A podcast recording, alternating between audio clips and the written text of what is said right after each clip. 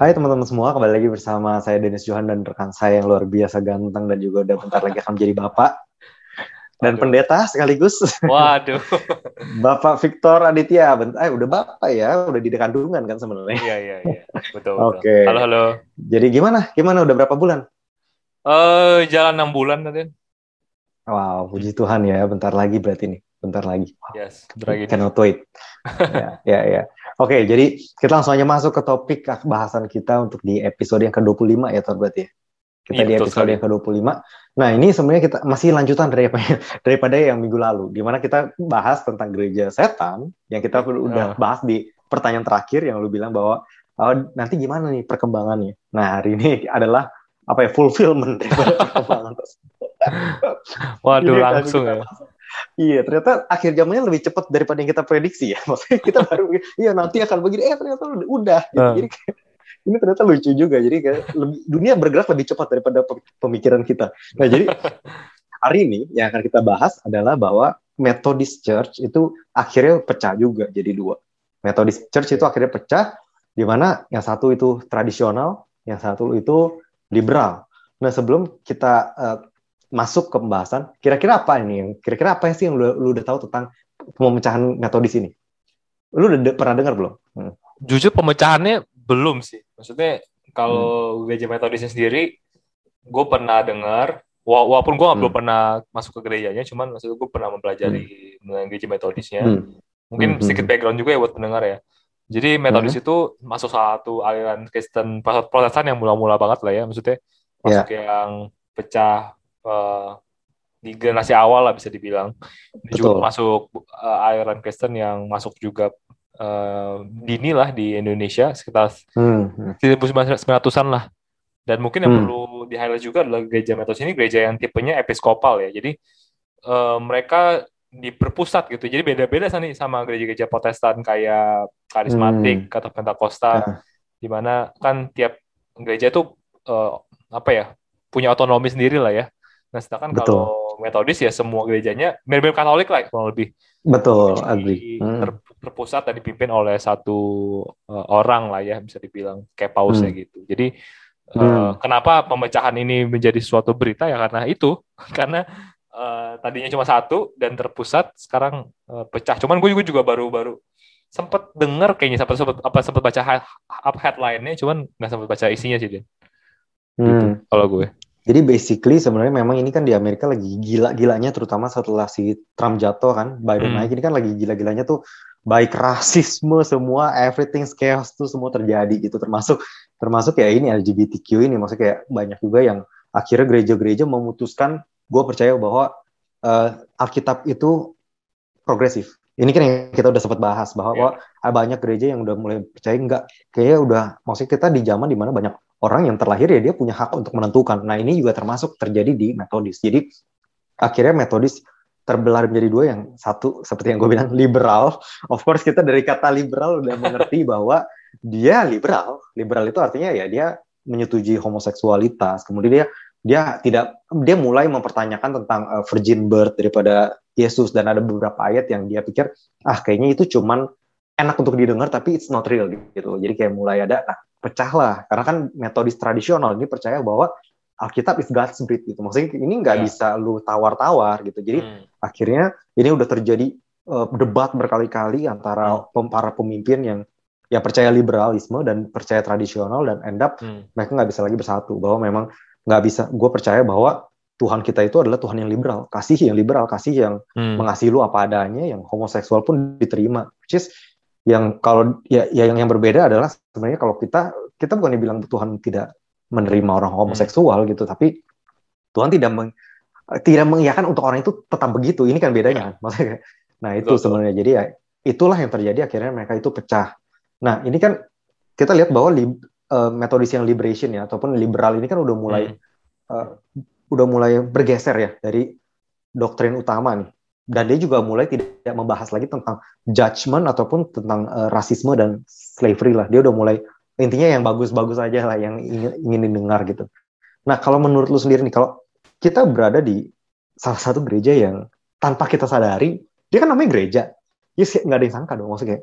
Kalau gue new Christian, gue nggak akan tahu kalau ini tuh gereja palsu. Nah, gimana gimana caranya mungkin kalau untuk kita bisa membantu mencegah ataupun gimana ya orang-orang untuk bisa masuk ke sini ataupun kalau kita sendiri uh, ternyata masuk ke dalam sini gitu. Dan kita lihat bahwa ini kok kayak sesuatu yang baru, sesuatu yang berbeda. Nah, menurut lu gimana sih caranya untuk kita, apakah uh, intinya adalah basically apakah Roh Kudus tetap bekerja nggak sih di sana kalau menurut lo? Yeah. Untuk kan, maksud gue tuh adalah ada orang-orang Kristen yang pure loh, maksudnya yang ngerti gak sih? Yang pure mau cari Tuhan dan dia salah masuk gereja gitu. Karena namanya metodis kan. Jadi nggak lucu juga kan. Ini maksud gue tuh kalau gue salah gereja, nah kalau menurut lo sendiri nih, ini orang-orang yang masuk gereja itu dibaptis. Ini orang-orang yang selamat gak? Dan kemudian Roh Kudus akan mengingatkan orang itu gak sih? Maksudnya ketika ada pengajaran yang salah atau nah ya, apa yang what what you think gitu ini banyak deh pertanyaan di pikiran gue tapi yeah, you got it kan maksudnya yeah, yeah, apakah yeah. Roh Kudus bekerja di sana apakah baptisan Israel atau gimana kalau orang yang datang dengan real pure motif untuk cari Tuhan apakah dia lah mendapatkan Roh Kudus ketika dia dibaptis atau gimana coba what's your opinion wow ini pertanyaan yang sulit nih pertanyaan hmm. yang super sulit sih menurut gue sih um, apakah yang menurut gue ya yang justru yang paling bahaya adalah new Christian ya maksudnya orang-orang yang nggak ngerti yeah. yang baru masuk hmm. karena ya dia akan merasa bahwa segala sesuatu yang diterima itu menjadi sesuatu yang standar dan dia gitu kan hmm. which is hmm. ya ya kalau dia kalau bilang tadi misalkan dia menerima mengenai homoseksuality dan segala macam ya itu yang yang akan jadi dia percayai gitu cuman hmm. sih hmm. menurut gue kalau memang dia punya pure motivation uh, apakah bisa dapat roh kudus di sana? Menurut gue sih bisa sih. Gitu karena tetap. Jadi dibaptis dia tetap selamat. Um, menurut gue gini karena jadi kita perlu tahu juga maksudnya kalau di dalam Kristen sendiri kan ada namanya apa ya systematical theology ya. Maksudnya apa tuh? Jadi kita perlu bedakan nih perlu bedakan semua jadi nggak nggak semua kebijakan ataupun juga metode ataupun juga sistem di dalam suatu gereja itu memiliki bobot yang sama gitu jadi ada yang namanya hmm. essential, ada yang nggak, ada yang namanya hmm. gitu kan. Nah contohnya hmm. uh, ini yang yang dipakai umum secara umum sih maksudnya setiap gereja itu punya beda-beda ya.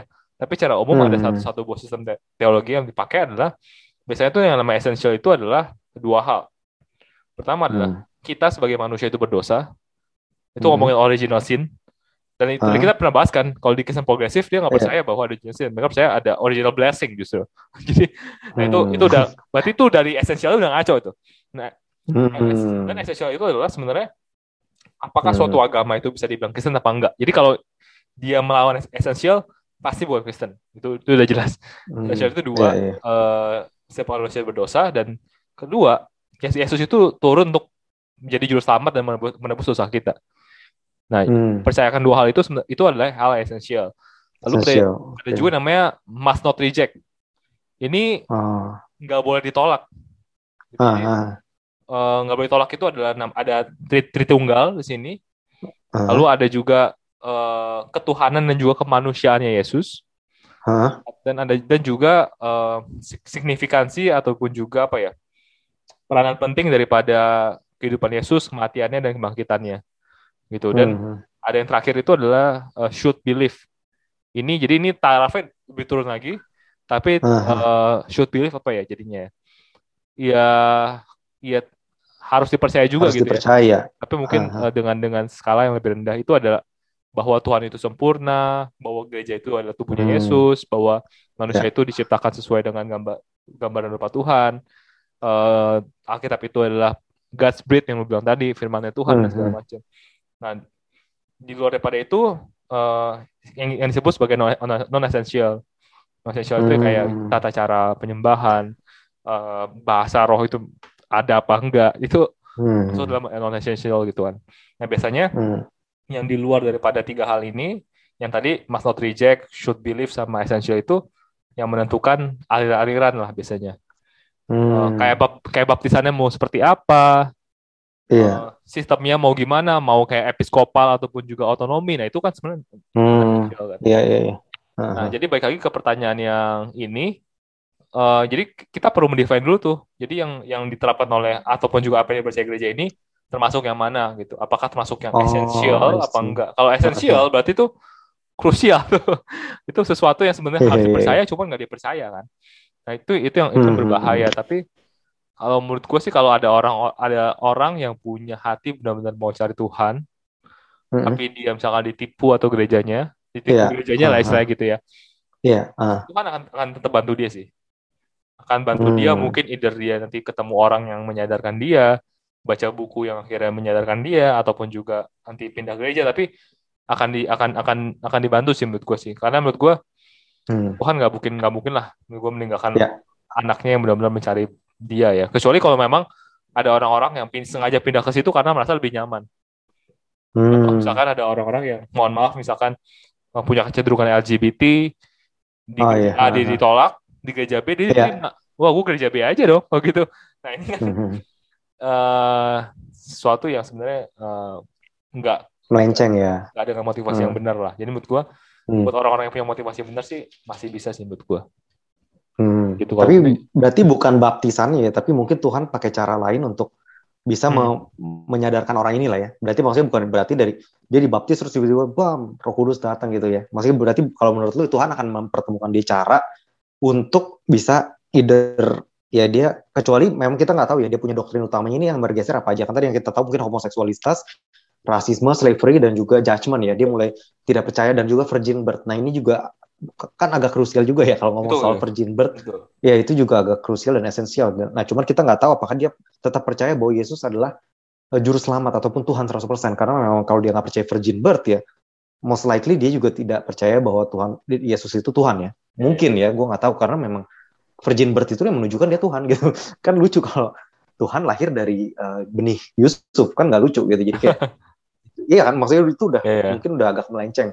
Nah, cuman kalau eh, menurut lu nih, ada gereja-gereja yang kayak gereja New Age yang gue bilang ya, bahwa dia mulai bergeser, dia percaya Yesus itu sama kayak gue dulu. Maksud gue, lu lu tahu kan gue juga sempat gitu menjadi Christian New Age. Gue percaya Yesus itu virgin birth, tapi gue juga percaya pada science gitu. Ada science kan, ada juga gereja namanya Science Church kan. Dia melakukan eh, everything by science dan juga kan kita udah sama-sama bahas bahwa yang di Alkitab bahwa eh, apa eh, perkataan kita punya kuasa segala macam ini kan, ini kan bisa dibuktikan gitu dari anatomy of water kemudian juga law of attraction law of vibration nah untuk hal-hal kayak gini menurut lu krusial gak sih maksud gue tuh untuk seorang Kristen yang percaya pada hal-hal ini atau tadi kan lu bilang bahwa ada seorang Kristen misalnya yang dia dia di- tidak diterima di gerejanya karena dia LGBT misalnya dia Hmm. dia menolak kemudian dia ke gereja yang percaya Yesus itu grace dalam mati Iya. grace gracious nah, dalam arti tuh ya new age ya. banget gitu maksudnya ya new age banget everything you want apa pun gue suka eh, maksudnya gue akan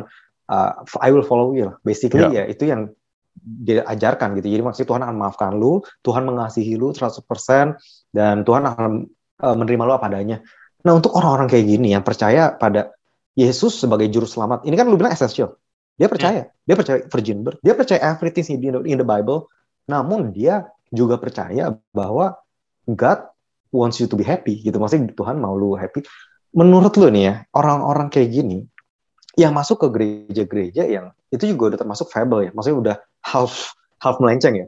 Ini apakah mereka boleh bilang ini termasuk orang yang selamat atau tidak sih? Kalau menurut opini ya ini kan nggak ada yang tahu benar-benar pure.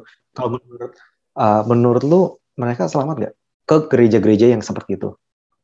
Eh kalau menurut gue ya ini sih ya maksudnya disclaimer dulu pertama pertama-tama ada yang namanya selamatan gue nggak tahu yes selamatannya cuma Ah. Tuhan yang tahu tapi ya kalau for, in my Ya. opinion adalah kalau misalkan melencengnya itu adalah dia Hmm. percaya bahwa kitab itu bukan bukan bukannya God's Spirit ataupun bukan juga Tuhan firman Hmm. Tuhan itu menurut gue udah pasti nggak gak sama salah sih ah karena itu sama-sama dengan guru Oke. palsu kan karena kan intinya Hmm. adalah ya eh, Alkitab itu kan ya kita percaya bahwa sebagai dasar dan fondasi lah ya betul yang Hmm. yang yang kokoh gitu kan tapi kalau andai kan Ah. Itunya sendiri fleksibel dan Hmm. bisa ke mana-mana kan jadinya ya ya nggak bener lah menurut gue itu satu. Terus kalau mengenai eh, seksualitas nah ini yang yang gue masih debatable sih. Debatable nya Hmm. satu sih gini karena menurut gue it, it- for me ya it's itu adalah kecenderungan yang salah lah ya. Kecenderungan salah yang perlu diperbaiki. Tapi di Hmm. satu sisi lain it's a sin that can be redeem bisa bisa di redeem gitu kan betul Jadi agree masalahnya adalah eh, kalau seseorang nggak bertobat Hmm. maka seorang itu kan gue kok penebusan itu kan ada ta- ada tahap-tahapannya ya Kalau seorang itu nggak Hmm. bertobat, maka seorang itu nggak bisa ditebus, ya gak sih? sama, Hmm, sama kayak hmm, hmm. orang-orang yang berdosa, tapi dia dia kagak pernah mau mengakui Tuhan, nggak pernah bisa minta ampun sama Tuhan, kan nggak mungkin Tuhan yang minta-minta ampun, minta-minta manusia, eh minta ampun dong ke gue gitu. Kok nggak langsung Iya. diampuni deh tanpa minta ampun tuh nggak mungkin. Ah, ah. Bahwa ada ada Tuhan udah Tuhan udah jalan setengah, kitanya kan harus jalan setengahnya lagi gitu maksud gue untuk Hmm. minta ampun segala macam. Tapi kalau kita nggak kalau orang-orang yang percaya bahwa kecenderungan seksualitas yang salah itu tadi nggak dosa kan mereka nggak pernah minta ampun akan dosanya kan. Gitu. Jadi Hmm, gua itu yang gue masih eh, debatable sih sebenarnya.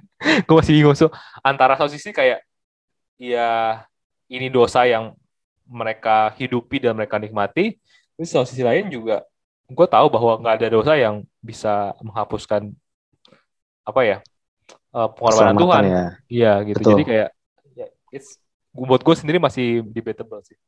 Kalau menurut lu gimana Dan? Hmm. Itu gue juga bingung karena memang jujur ada satu ayat Yohanes yang gue masih gue udah cari banyak banget scholar yang mengartikan yaitu kalau lu pernah baca bahwa ada dosa yang mendatangkan kematian gitu. Hmm. Ada dosa yang tidak mendatangkan kematian. Ada yang bilang ini ya mungkin dosa-dosa yang mendatangkan kematian ya kalau lu uh, ngeseks banyak nih, ah, berarti kan ntar lu kena penyakit gitu, lu mati. Ada juga yang bilang bahwa ini ada satu dosa mungkin atau yang dosa yang lu lakukan terus kayak tadi lu bilang, yang lu live continually di sin, nah lu artinya lu gak pernah bertobat. Jadi Hmm. which is itu mendatangkan kematian. Nah jadi tapi kalau gue sendiri gue jadi bingung sih ketika gue dengar bahwa ada satu ayat yang ada dosa yang mendatangkan kematian di pikiran gue berarti itu dosa yang cukup besar gitu. Iya gak sih maksud gue? Tapi balik lagi ketika lu ngomong iya benar bahwa tidak ada dosa yang tidak bisa ditebus. Artinya keselamatan Tuhan jauh lebih besar daripada setiap dosa. Dan kalau kita ngomong kita harus lepas dari 100% dari dosa ketika kita eh, mau selamat, itu juga bohong karena nggak Iya, mungkin iya. ada satupun dari kita yang bisa selamat. Eh maksud gue tuh Iya, kita pasti ada aja nempel gitu satu iya, dosa iya, yang iya, iya. kalau kata Joel Osteen tuh dosa favorit gitu ya maksudnya either lu suka bohong either Iya, iya, lu iya. suka ada hal-hal yang kayak aduh itu udah di kepala lu aja gitu maksudnya kadang lu udah otomatis ngelakuin itu tanpa lu sadar gitu iya Iya, nggak sih iya, iya, suka iya. gosip ini mungkin ya bagi kita ya gosip mah mungkin lah lu masuk neraka iya nggak sih maksudnya ya udahlah kalau bisa kayak kita pernah bahas juga masturbasi ya udahlah itu mungkin lu akan kehilangan banyak eh, chance opportunity tapi lu nggak akan kehilangan keselamatan lu karena kita pikir itu dosa kecil bener gak sih Nah, Hmm. tapi kalau hal-hal kayak yang tadi lu bilang homoseksual segala macam ini kan termasuk kalau misalnya kita lihat di Wahyu ya termasuk ini salah satu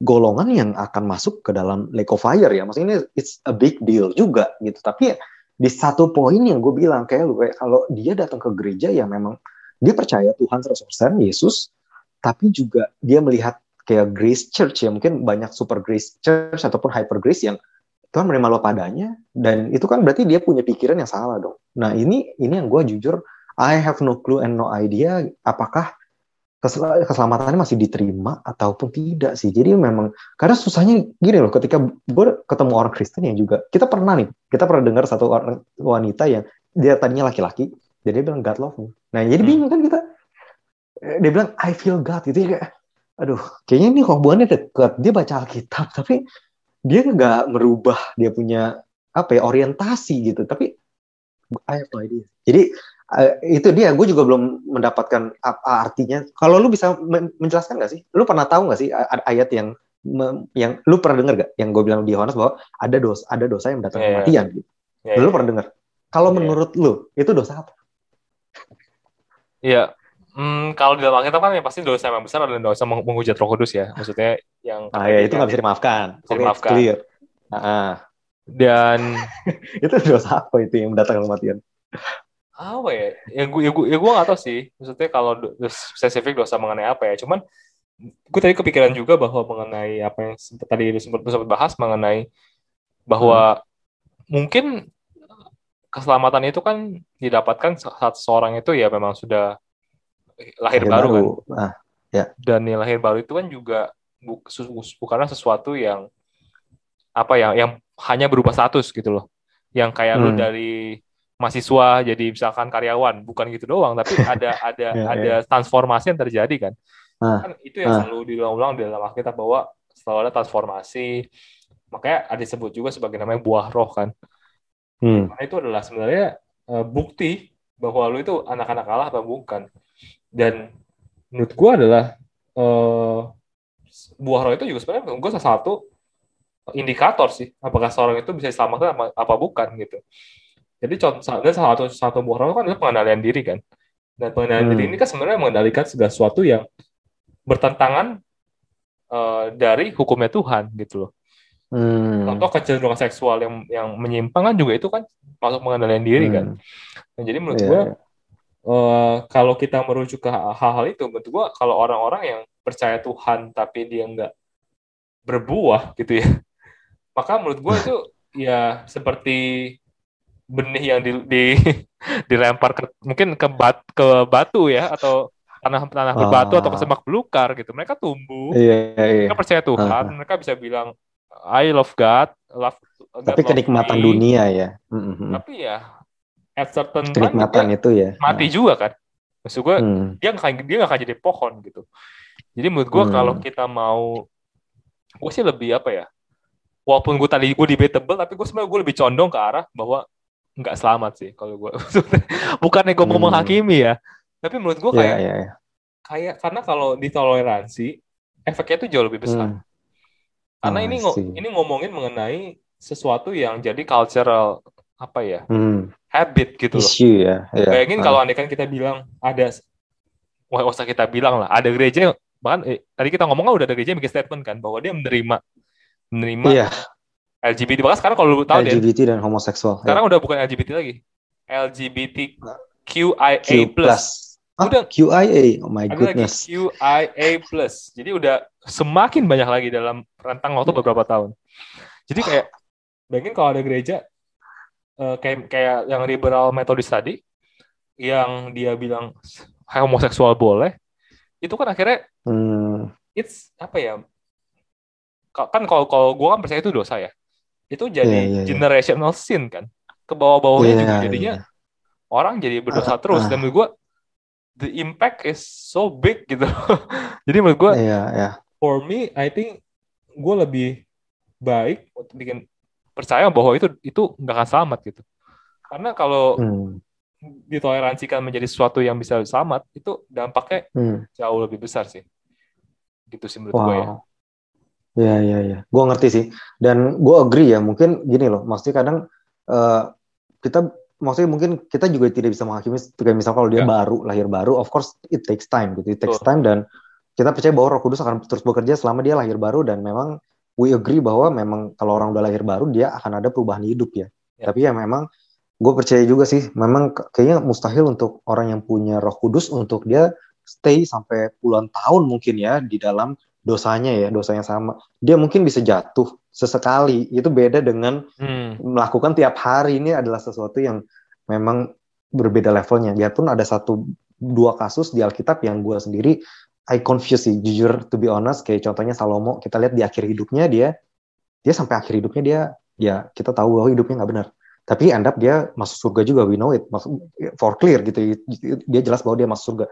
Cuman ya memang ada hal-hal yang keselamatan itu yang gue bingung sih. Memang kayak gitu kan masih kayak kalau di mata kita mungkin Salomo ini gila di akhir zaman di akhir hidupnya dia tuh kasih persembahan ke Molek, ke Baal, ke mana-mana kan. Maksudnya kayak dia nggak nggak percaya lagi ke Tuhan 100%. Nah tapi ya itu kenapa dia masih selamat? I don't know gitu. Jadi kadang ada hal-hal yang mungkin cuman, kita nggak bisa tahu. Cuman deh, sorry sorry ya, kalau kalau gue boleh menambahkan nah. ya, kalau menurut gue tuh Salomo menurut gue dia di akhir kehidupannya hmm. tidak murtad sih. Menurut gue enggak. Ya dia tidak meninggalkan Tuhan. Maksud gue tapi kalau, dia mencampurkan iya ya maksud gue dia sempat melakukan itu cuman kalau kita lihat sebenarnya kan akhir kehidupan Salomo itu kan ada di kitab khotbah sebenarnya khotbah ya hmm. dan kalau kita baca khotbah itu sebenarnya kan berupa banyak hal yang sebenarnya kalau kita lihat kacamata Salomo ya itu butuh penyesalan hmm. makanya kalau yeah, yeah, ada waktunya untuk mata hidup atau untuk, yeah. untuk segala hmm. macam apa dan dia juga sempat bilang bahwa ya uh, seperti us apa apa yang gue lakukan apa yang gue lakukan itu seperti usaha mengejar angin dan segala macam angin, itu, ya. itu kayak sebenarnya banyak hal yang, dia. yang yang dia hmm. kejar selama dia hidup sebenarnya it's useless gitu yes, jadi yeah. maksudnya maksudnya at the end of the time sebenarnya hmm. dia sempat sempat merasakan sempat ya. menyadari sebenarnya gitu walaupun hmm. ya hmm, mungkin hmm. ya mungkin terlambat ya bisa dibilang maksudnya karena dampaknya udah begitu besar ya apalagi oh, dia yeah. orang yang paling ah. bijaksana lagi dibilangnya tapi yeah, the wisest bahkan seperti hal seperti itu cuma maksud gue uh, di akhir kehidupan sempat lah dia uh, menyadari gitu. Oke, oke, lanjut lanjut. Oh, oke. Okay. Oke, okay, berarti itu udah clear ya. Nah, ini pertanyaan selanjutnya, Editor. Nah, maksud gue tuh kadang kan uh, ada orang-orang bilang kan kita ditempatkan Tuhan untuk menjadi terang di suatu tempat itu. Ya, ya, ya. Nah, gimana kalau ketika kita masuk ke dalam gereja ini, apakah mungkin Tuhan sengaja masuk ke kita untuk menjadi terang di gereja itu, ataukah kita gimana caranya kita tahu ini, eh, gue salah masuk gereja, oh iya, maksudnya salah kita mesti keluar, atau Tuhan menempatkan gue di sini untuk mengubah gereja ini? How we know it? Ya, um, How to know? Menurut gue adalah Tuhan nggak sembarangan ngirim Daud buat lawan Goliat. Hmm. Daud itu kan sudah udah walaupun dia masih Well anak, trained ya, anak muda, dia Nah. udah pernah ngelawan hewan-hewan dan segala macam gitu. Jadi menurut buas gua, ya. ya. hewan buas dan Oke. segala macam. Jadi menurut gue juga Tuhan nggak mungkin ngirim seseorang yang baru tahu kekristenan untuk Hmm. menjadi terang di sebuah gereja yang begitu gelap gitu. Jadi menurut I gue kalau eh lu nya sendiri adalah Kristen yang baru, yang baru tahu mengenai apa itu Tuhan Yesus, apa itu keselamatan, ya is definitely is not for you gitu. Jadi jangan coba-coba ke daerah ke tempat ke tempat Oke oke oke. yang uh, seperti itu ya. Tapi menurut gua kalau lu Mhm. memang merasa bahwa ya lu sudah di develop gitu ya, atau mungkin uh, mungkin gimana Ah. ya kalau develop itu, semisal lu berasal dari keluarga yang memang kuat secara kekristenan dan lu pun juga punya ketertarikan untuk mempelajari mengenai doktrin-doktrin kebenaran firman Tuhan dan memang uh, misalkan juga secara apa ya secara situasional juga misalkan lu punya teman yang ada di situ jadi Hmm. lu ada apa ya punya Jalur ya. Iya, jadi bukannya kayak lu nan- nantangin juga ya. so, ke, menurut gua nantangin juga mungkin kurang baik ya. Tapi kayak Salah maksudnya ya. secara, Hmm. secara situasi dan juga kemungkinan lu ada ada ada ada tujuan yang di situ ngapain gitu. Dan menurut gue itu eh, boleh aja sih. Tapi ya tahu tahu juga kapan lu harus exit gitu. Hmm. Dan Wow. make sure lu punya mentor juga ya. Jadi jangan kalau udah dihajar-hajar oleh apa angin-angin ajaran yang begitu bingung gitu kan goyah gitu. Hmm. Wow, itu bener sih. Karena memang banyak, banyak orang bingung ya. Kalau misalnya kita, kita bingungnya, kapan kita harus tahu kalau kita harus keluar dari suatu tempat, baik itu di pekerjaan. Kan, Hmm. kan paling sulit di situ kan. Iya. Pekerjaan, kemudian di gereja, kapan nih? Apakah ini Tuhan pengen gue jadi terang, ataukah emang sebenarnya guanya aja yang bego gitu. Maksudnya udah Tuhan udah suruh gue keluar, tapi emang bener sih kata lu bahwa Tuhan pasti akan mengequip lu untuk melakukan sebelum sebelum lu melakukan sesuatu, Tuhan pasti udah equip lu dulu sih. Hmm. Jadi kayak kita pikir bahwa Daud itu seorang gembala yang tiba-tiba menjadi warrior itu salah banget. Iya, Dia udah iya. menjadi seorang warrior gitu. Jadi kalau lu bilang bahwa dia dia uh, tidak dipersiapkan Tuhan itu salah banget karena memang dia melawan jauh lebih Hmm. besar daripada sekedar oh, ini ya prajurit ya. Itu beruang, beruang itu nggak main-main gitu. Maksudnya ini beruang kuat banget dan dia cuma dia menang pakai ketapel. Jadi it's no joke gitu untuk Hmm. seorang ini dia jelas-jelas warrior banget. Bayangin lu bisa ngalahin beruang pakai ketapel itu gila ya.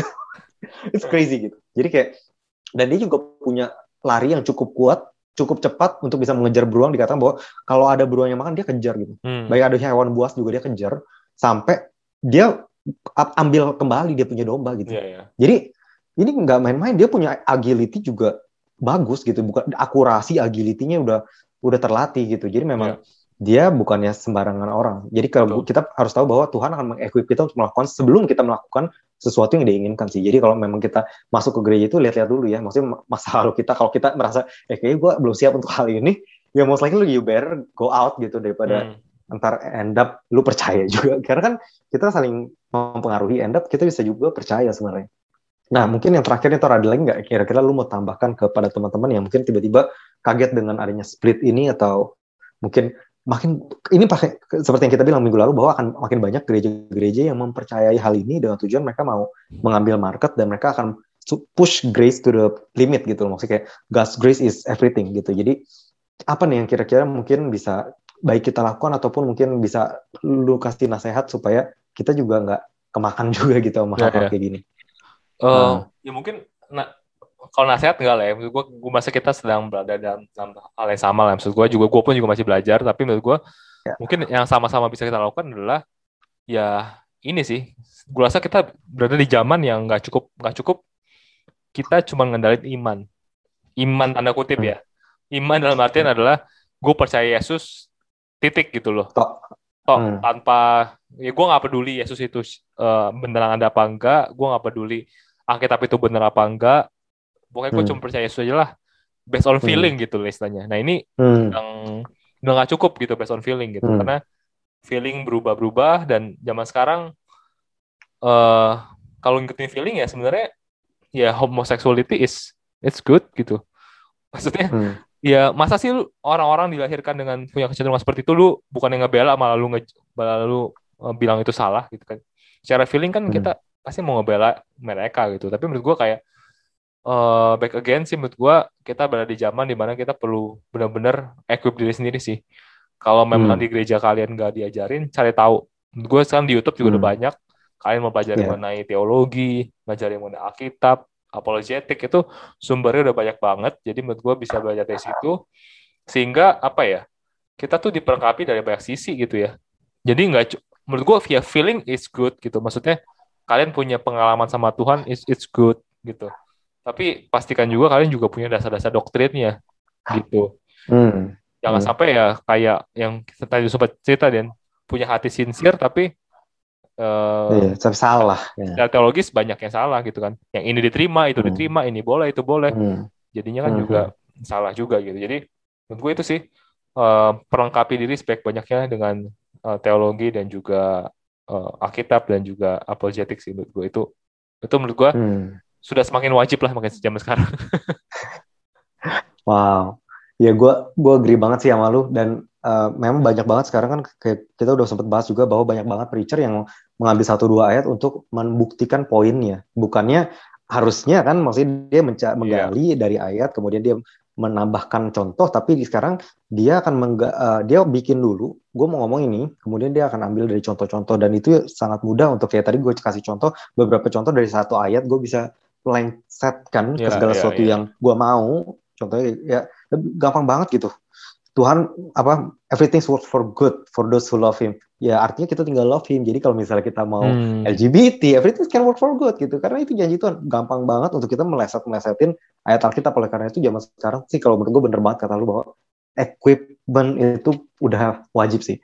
Maksudnya the equipment bro, yang ditulis di Alkitab helmet of salvation, belt of truth itu it's real gitu. Maksudnya, yeah. Kita di zaman di mana itu penting, itu bener beda dengan zaman dulu gitu. Kalau zaman sekarang tuh udah fix banget sih karena memang zaman sekarang bener banget kata lu berdasarkan feeling banget gitu jadi kayak feeling hak asasi semua berdasarkan hak kan jadi ini adalah hak gua hak ibu hak anak hak, hak ayah semua dijadiin hak jadi kayak terus yang mana yang benar gitu kalau semuanya lagi hak mereka ya makanya perlu ada satu ini yang salahnya adalah karena kalau kita nggak punya satu apa ya satu basis ya ayah minta haknya ibu minta haknya anak minta haknya. Nah, mau siapa duluan nih? Jadi bingung kan? Jadi itu dia sih iya. benar bahwa kita harus diperlengkapi dan memang banyak banget sekarang dan bisa juga nanya langsung ke Victor sih kalau memang ngerasa bingung ya akan sesuatu terutama yang uh, masalah apologetik ataupun sesuatu yang pengajaran-pengajaran filosofi sih karena itu yang lebih rumit. Karena gue sendiri tuh kalau filosofi suka kemakan juga. Makanya makanya gue jadi apa ex new age juga kan karena gue juga kemakan filosofi dan Victor lebih aware sih akan hal itu makanya mungkin lu lebih ke apologetik kan, hmm. sehingga lu tahu nih itu lebih ke filosofi gitu jadi memang diperlukanlah orang-orang kayak Victor dan juga memang kalau kalian juga bingung sama kayak gue karena gue juga mudah bingung sih ketika filosofi itu uh, karena bagus-bagus ya kadang quotes quotes yeah, orang yeah, yeah. ini kan bagus-bagus sulit untuk kita eh ini salah loh gitu ini uh. bukan alkitabiah gitu itu susah gitu jadi kayak dibutuhkan ya orang-orang kayak lu gitu jadi memang kalau kalian mungkin ada yang bingung bisa langsung nanya atau kalau memang kalian nggak ketemu di YouTube nih jawabannya bisa langsung tanya sih ke Victor ada di Instagram Victor ada di Victor Aditya ya, Dota Aditya, yeah. ataupun ada di uh, YouTube channel Victor bisa langsung di uh, at Prisaiman, ataupun di kita punya Instagram at catatan iman.id atau di gue juga denis.johan. Yeah. Mungkin uh, sampai di sini dulu ya Tor ya, kita yes. selesaikan dan sampai ketemu di minggu depan, stay safe dan uh, see you and God bless you. God bless.